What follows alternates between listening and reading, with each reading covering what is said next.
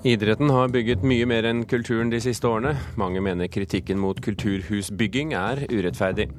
Det viser at idretten står veldig sterkt, og jeg blir litt forbanna Rettssaken mot 20 journalister fra TV-kanalen Al Jazeera gjenopptas i Egypt i dag. De er tiltalt for å ha spredt falske nyheter og hjulpet organisasjonen Det muslimske brorskapet.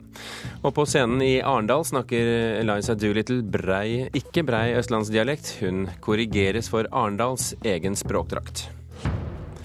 Vi anmelder den sørlandske versjonen av My Fair Lady mot slutten av sendingen. Kulturnytt får du i dag med Birger Kålsrud Jåsund i studio. Norske kommuner har investert tre ganger så mye i idrettsanlegg som i kulturbygg de siste årene. Flere kulturforskere har vært kritisk til iveren etter å bygge kulturhus. Hvor er de kritiske røstene til kommunenes pengebruk i idretten, spør kulturforsker Georg Arnestad.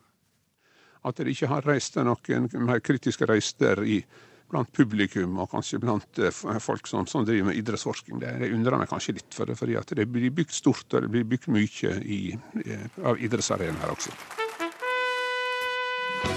Ole Edvard Antonsen var på plass da hjembyen Hamar nylig åpna kulturhuset sitt. Og de siste åra er det bygd kulturhus for milliarder av kroner i Norge. Kulturforskeren er en av kritikerne til byggeboomen. Han tror det vil koste mer enn det smaker. Jeg er skeptisk til kostnadene ved det. Jeg synes kommunene bygger litt for dyre kulturhus. En, to, tre.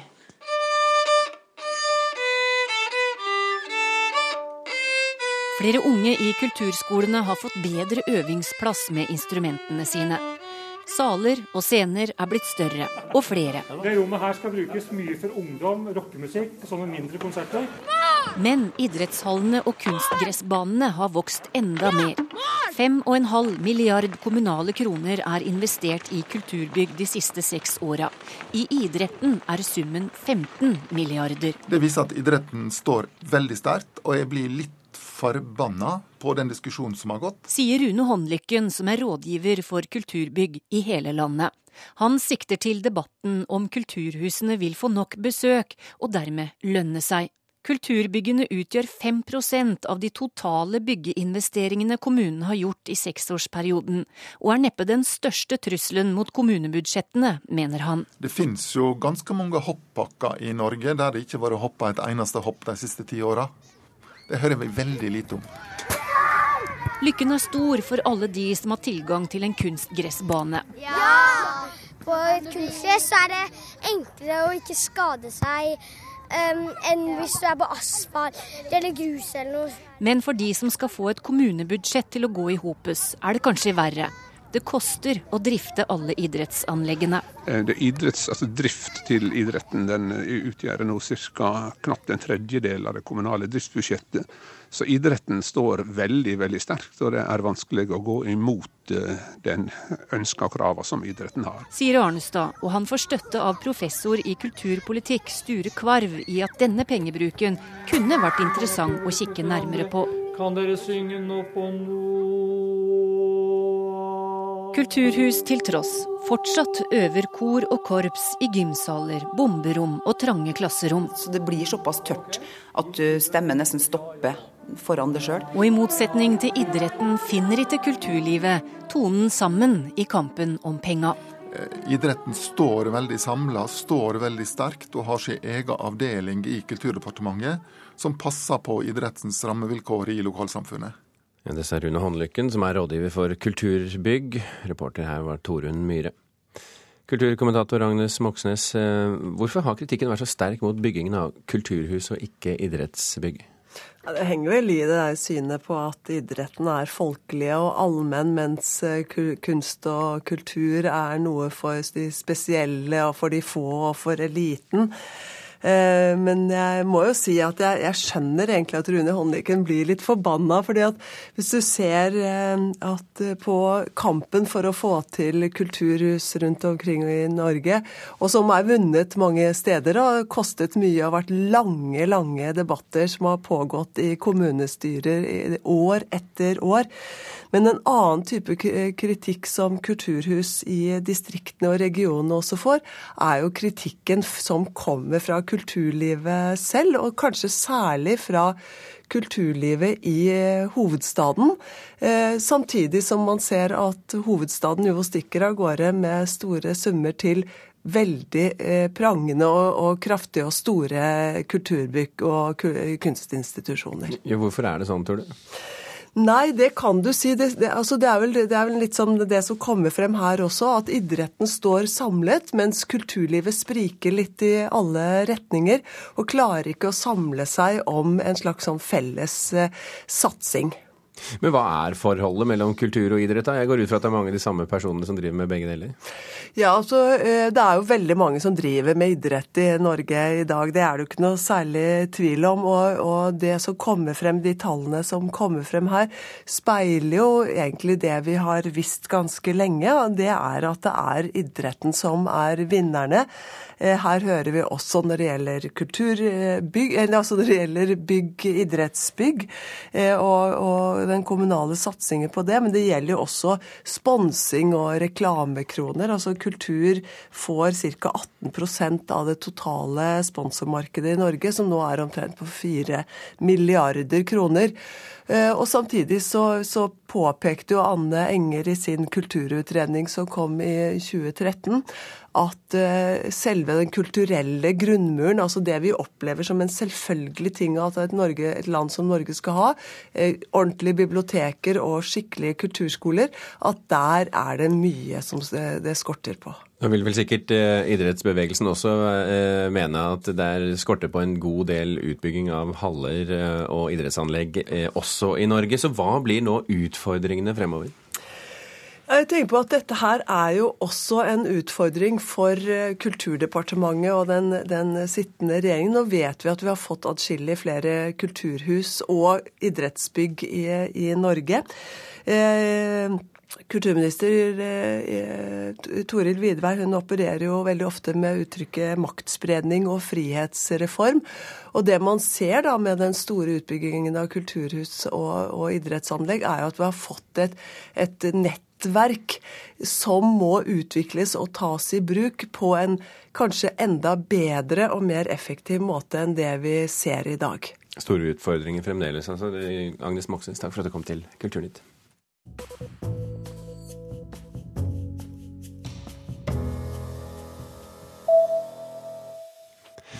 Store økende og økende pensjonskostnader gjør at Den norske opera og ballett har et underskudd på rundt 450 millioner kroner.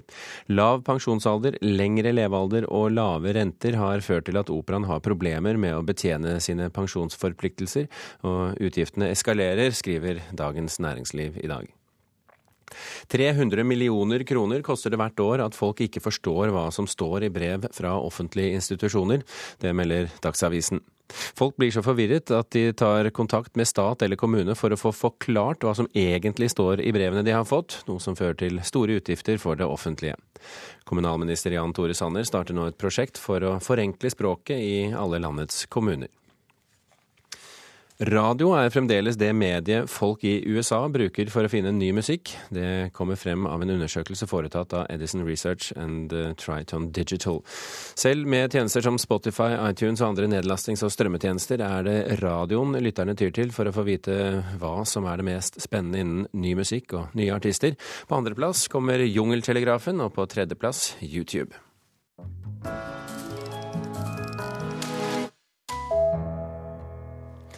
På teatret vårt i Molde var det premiere på Henrik Ibsens Lille Eyolf i helgen. Vår kritiker har sett stykket, og her skal du få en liten smakebit. Ah, en spion? Ja, ja, når du sier det, så. Men Eyolf, det vil komme en baketter som er mye bedre enn meg. En ny konge på haugen. Hvem skulle det få være? Nei, jeg vet ikke. Kanskje han har på seg en Supermann-drakt? Oh, ja. Karen Frøsland Nystøl, kritiker, eh, scenekritiker her i NRK. Supermann-drakt. Aner meg at de har tuklet litt med teksten i den oppsetningen? Nei, vet du hva, det vil jeg si at det har de faktisk ikke gjort. Eh, Ibsen sin tekst den er så å si konsekvent eh, bevart i denne forestillinga. Men Supermann-drakt er det der, og den er det lille Eyolf som går rundt i. Og den har ikke Ibsen skrevet, tross alt? Den har ikke Ibsen skrevet, nei. Hvordan er denne forestillingen på scenen? Det er en forestilling som er visuelt veldig, veldig tydelig. Eh, det er brukt klare virkemidler i eh, kostyme og i scenografi. Supermanndrakter har vi allerede snakka om. Og fargene fra Supermann-drakter går egentlig igjen i alle kostymene, i tillegg til litt grønt. Så det er veldig tydelige farger. Fortell litt kort om, om selve historien her, Frøsland Nystøl. Hva er det Lille Eyolf handler om? Ja, Kort fortalt så handler det om et ektepar som eh, mister sønnen sin. Og eh, så handler det om foreldrerollen, hvordan de takler det å eh, takle tapet av et barn, eh, og hvordan de skal klare å komme seg videre. Og det er, det er aktuelt uansett, sånn som foreldrerollen presenteres i teatret i Ibsen sine, med Ibsen sine ord, så, det, så rammer det um, denne Ja, alt med, med hvor egoistisk man kan være som forelder. alle følelsene man har overfor et barn, det, det, det, kan være 100 år gammelt, eller det kan være fra i dag. Det er veldig aktuelt. Men likevel er det noe som eh, bremser i denne oppsetningen, så vidt jeg forstår det? Ja, vi snakker litt om virkemidlet. Eh, I tillegg til de klare fargene, så, så danser de og bruker mye eh, fysiske bevegelser henta fra halling og folkedans når de skal uttrykke følelser. Slår seg på brystet, slår seg på låret, um, som, en, del av følelsesutbrudd. Og det syns jeg ikke er godt nok integrert hele veien i forestillinga, selv om, som vi hørte, der er ei fele som hele tida lydlegger stykket. En fiolinist som sitter på scenen. Så er det likevel jeg får det liksom ikke til å, til å, stemme sammen med de tydelige, nesten grelle fargene, og, og i en scenografi som òg har denne, de sterke fargene i seg. Så det er kanskje farge og scenografi som jobber mest mot stykket her. Men samtidig så, så, er det noe fint i scenografien, jeg må bare få si det. For det er et, som, som et slags lite hus, der karakterene i sin fortvilelse vil vike fra hverandre, men hele tida spinnes rundt. De sentrifugeres rundt på scenen, så de alltid møtes igjen. Det er det fine med scenografien og med denne oppsetninga. Eh, regissøren her eh, Per Perez Øyan omtales jo blant mange som, som et slags stjerneskudd i, i norsk teater. Eh, har han lykkes med dette stykket? Ja, han har lykkes med, med, å vise de små, fortvila menneskene som ikke veit veien ut av et sånt stort kaos som det å, og, en stor sorg som det å miste et barn er. Og han har lykkes veldig godt, syns jeg, i å instruere den kvinnelige hovedrollen Valborg Frøysnes, som spiller Rita Almers. Um, hun er som en hva jeg skal si, en konsekvent ekspressiv Lise Fjelstad, og det, det kler denne oppsetninga uh, veldig godt. Og så er det fantastisk når hun uh, har en kjole som går i ett med tapetet i veggen. Det understreker jo veldig godt den rollen hun har med at hun, hun opplever at hun ikke ses eller synes i familiekonstellasjonen lenger. Lille Eyolf på teatret vårt i Molde, altså Karen Frøsland Nysøl. Tusen hjertelig takk for at du var med her i Kulturnytt i dag. Klokken er drøyt kvart over åtte. Du hører på Kulturnytt, og dette er toppsaken i NRK Nyheter akkurat nå. Utenlandske arbeidere i fiskeindustrien utnyttes, må jobbe 18 timers dag til lavere lønn enn de norske, ifølge fagforening. Klimaendringene er her allerede. Det blir mer flom og uvær også i Norge, fastslår en ny FN-rapport. Og det svenske fotballmiljøet er sterkt preget etter at en supporter ble drept i går. Rettssaken mot 20 journalister fra TV-kanalen Al Jazeera gjenopptas i Egypt i dag. De er tiltalt for å ha spredt falske nyheter og hjulpet organisasjonen Det muslimske brorskapet. Midtøsten-korrespondent Sigurd Falkenberg Mikkelsen, rettssaken begynte jo egentlig i slutten av februar, og nå har det vært et opphold. Hva er det som har skjedd hittil? Her i Kairo har det vært kjørt vitneavhør eh, i de rundene som eh, de har vært gjennom allerede. Eh, siste runde i forrige uke så kjørte forsvarsadvokatene politiets uh, vitner ganske hardt. F.eks. Statsmedias representanter som har skrevet en rapport om hvordan Al Jazeeras uh, journalister forfalsket og manipulerte bilder. og så dreide det seg også mye om det utstyret som ble konfiskert. som i hvert fall av de bildene som er offentliggjort, ser ut som et vanlig TV-utstyr utstyr, kameraer, kabler og lys og sånne ting. Og vitnene kunne heller ikke svare for seg noe i, i noe særlig grad. og uh, De tiltalte kom også med noen korte, uh, korte utsagn. Bl.a. sa Peter Gresty, den ene uh, australske journalisten som er tiltalt her, at de ikke har presentert et eneste fnugg av bevis i denne saken, og at de nå har vært tre måneder i fengsel. Forrige uke så ble også 529 medlemmer av brorskapet dømt til døden i en domstol i Egypt. Vil denne rettssaken påvirkes av det? Nei, Jeg tror ikke det i noe særlig grad, bortsett fra at det sier noe om det rettslige klimaet her for tiden. Rettssalene her kjører stort sett ganske mektige, av, av, mektige dommere. Og Dette skjedde jo da i Minya, den dødsdommen, et godt stykke sør for Kairo. det mange hadde festet litt tiltro til, var at nylig så ble to kjente sekulære og revolusjonære aktivister, inkludert en som heter Ala Abdel Fattah, Eh, sluppet ut eh, på mot eh, kausjon. og Mange hadde håpet at det var et signal om at de skulle myke litt opp. Men det har vi altså ikke sett så langt. Men vi får se hvordan dagen i dag forløper. Tre av de tiltalte de arbeidet jo for den engelskspråklige utgaven av Al Jazeera. De 17 andre for den arabiske utgaven. Risikerer de alle sammen de samme straffene? Det er vanskelig å si. Det er en uoversiktlig rettssak. Og det er jo veldig mange her som er Eh, tiltalt in absentia, altså at de eh, ikke er tiltalt eh, ikke er i tiltaleboksen, at de har flyktet landet. Det er også en nederlandsk reporter som var tiltalt i denne saken.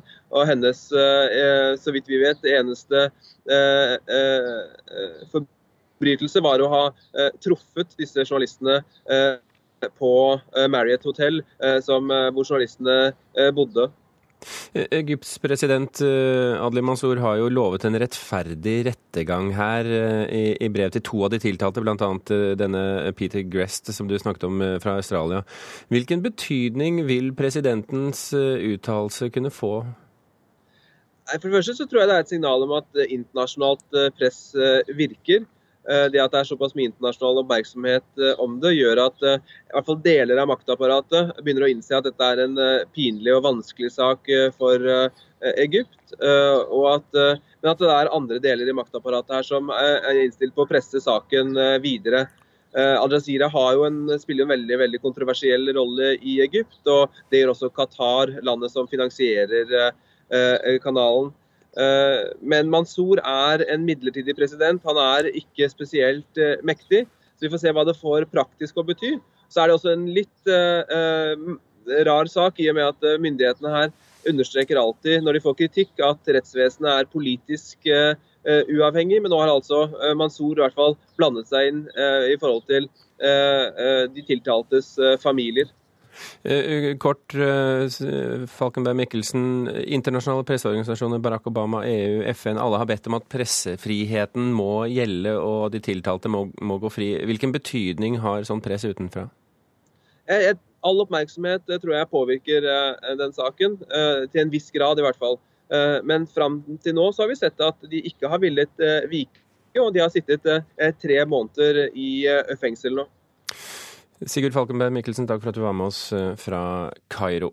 Vi skal fra Kairo til Arendal, til noe helt annet, med andre ord. My Fair Lady er uh, satt opp på scener over store deler av verden siden premieren på Broadway i 1956. Versjonen som har premiere i Arendal kulturhus førstkommende torsdag, er likevel litt spesiell, for for første gang så spilles musikalen på arendalsk.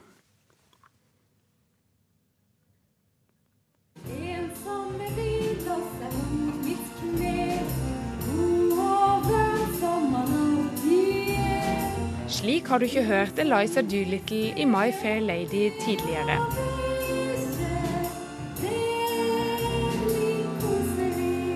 Når den populære musikalen nå settes opp i Arendal, har instruktør Marianne Løge i Arendal Musikkteater valgt å legge språket til ord og uttrykk som er mer naturlig for sørlendingene. langt fra kulda, varmt og godt. Dermed er den kjente 'Vikke det blir fenomenalt', som sangen heter i André Bjerkes originaloversettelse, her sunget av Mone Hofland.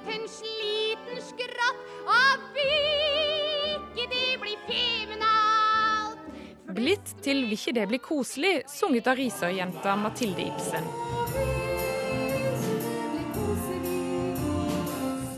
Eh, jeg er veldig glad i André Bjerke og syns han er veldig dyktig, men akkurat dette manuset her var vi nok ikke helt fornøyd med en del av ordleggingene til André Bjerke. Sier instruktør Marianne Løge. Vi syns han har mista noe i oversettelsen som ligger i originalmanuset. Og det har vi da prøvd å hente inn igjen. Særlig i sangteksten, som vi har prøvd å hente inn igjen noen av de originale bitene. Jeg er ikke noe eksemplar for dere når jeg har sagt de skal betale som en ordentlig dame. Siden i fjor høst har Arendal Musikkteater øvd inn kjærlighetshistorien om fattigjenta Eliza med den breie arbeiderklassedialekta, som får opplæring av den fisefine språkprofessoren Higgins for å bli en dannet dame. I originalversjonen snakker blomsterselgeren Eliza Cockney. Jeg vet like så godt som du hva sånne leksjoner koster. Arendalsk er på et vis den nærmeste dialekten vi fant som minner om cockney. Eh, det er på en måte vårt vis å vise hvor ulik språket Higgins ønsker at vi skal snakke er, i forhold til den dialekten de faktisk snakker i forestillingen. Så det, det er derfor vi har valgt Arendals. Altså, Dessuten så syns vi det er litt ålreit å bruke vår egen dialekt på scenen. For den får, altså, den får en del pepper. og det man kan diskutere om arendalsdialekten er fin eller ikke fin, men den er veldig brukende i sånne setninger. Sitt ned.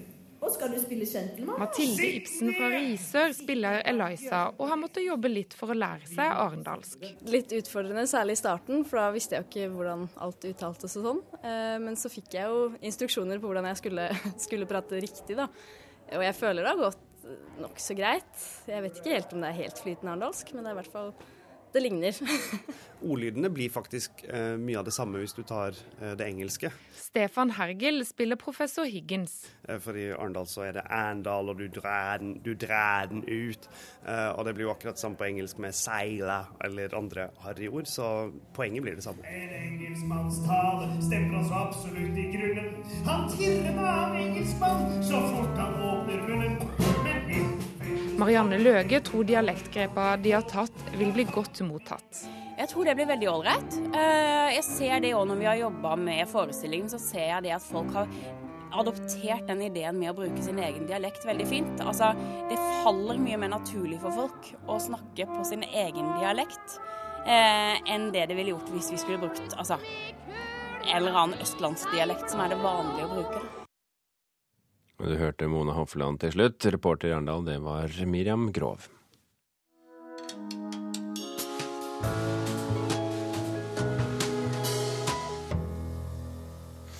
Når leste du sist en roman der hovedpersonen dør gang på gang om en i det hele tatt? Liv etter liv er en overrumplende lek med historien, både den helt private og den litt større verdenshistorien, sier vår anmelder Anne Katrine Straume om Kate Atkinsons britiske bestselger som nå er ute på norsk.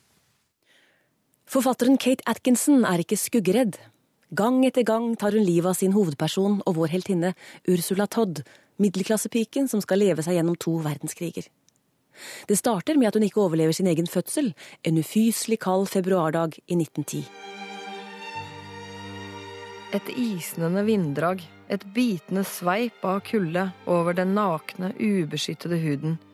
Uten varsel er hun utenfor innsiden, og den kjente, våte, tropiske verden er borte med ett. Utlevert til elementene.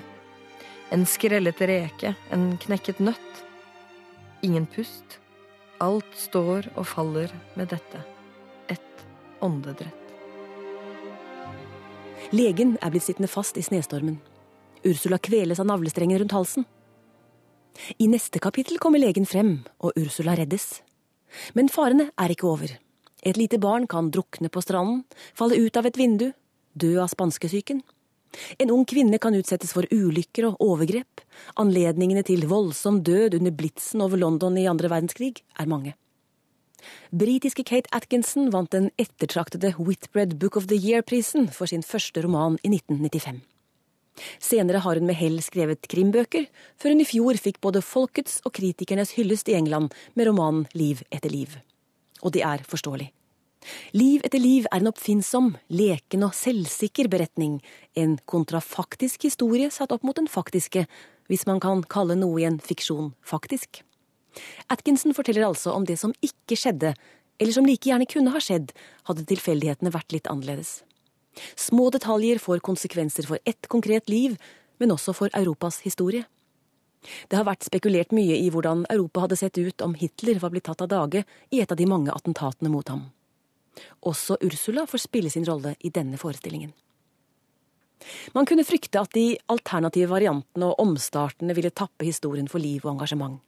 Men nei, det gjør ingenting at forfatterens byggverk så tydelig trer frem i det fri. Atkinson skriver nesten usannsynlig virkelig om 1910- og 20-tall, de ulike familiemedlemmene får bekreftet sine sterke og svakere sider ved å få stadig nye utfordringer. Som leser blir man hele tiden minnet om de mange skjebnene menneskeheten består av. Hvem trakk det lengste strået? Hvem hadde tilfeldigvis beveget seg over gaten for å klappe en hund da bomben smalt? Hvem giftet seg med en mann som skulle vise seg å være psykopat? Og hvem er vi som roser og fordømmer når vi vet så lite om hvorfor tingene er blitt som de er blitt? Liv etter liv er en effektiv påminnelse om livets mangfoldighet, glimrende løst rent litterært, og med innflettede innsikter av større litteraturskapere enn Atkinson. John Donne, William Shakespeare og Charles Dickens ord blir ikke staffasje, men får effektiv funksjon i fortellingen. Oversetter Christian Rugstad skal ha sin del av æren for opplevelsen av et spill levende språk, med smidigheter som et sturekammer, istedenfor det mer tradisjonelle studerkammeret. Ja, det mente Anne Katrine Straume. Husk at alle hennes anmeldelser og hennes kollegers anmeldelser også er å finne på våre nettsider nrk.no litteratur. Vi rekker å ta med til slutt at Harry Potter-avleggeren 'Fabeldyr og hvor de er å finne' av forfatter JK Rowling nå skal bli en filmtrilogi. Det melder BBC. Boken, som ble utgitt første gang i 2001, gir seg ut for å være en av skolebøkene til Harry Potter på Goldwards høyere skole for hekseri og trolldom. Produsent for filmene blir briten David Heyman, som også har produsert de andre Harry Potter-filmene. Kulturnytt takker for seg. Frode Thorshaug, Espen Alnes og Birger Kålsrud Aasund gir stafettpinnen videre til Tyri Grønbekk i Nyhetsmorgen.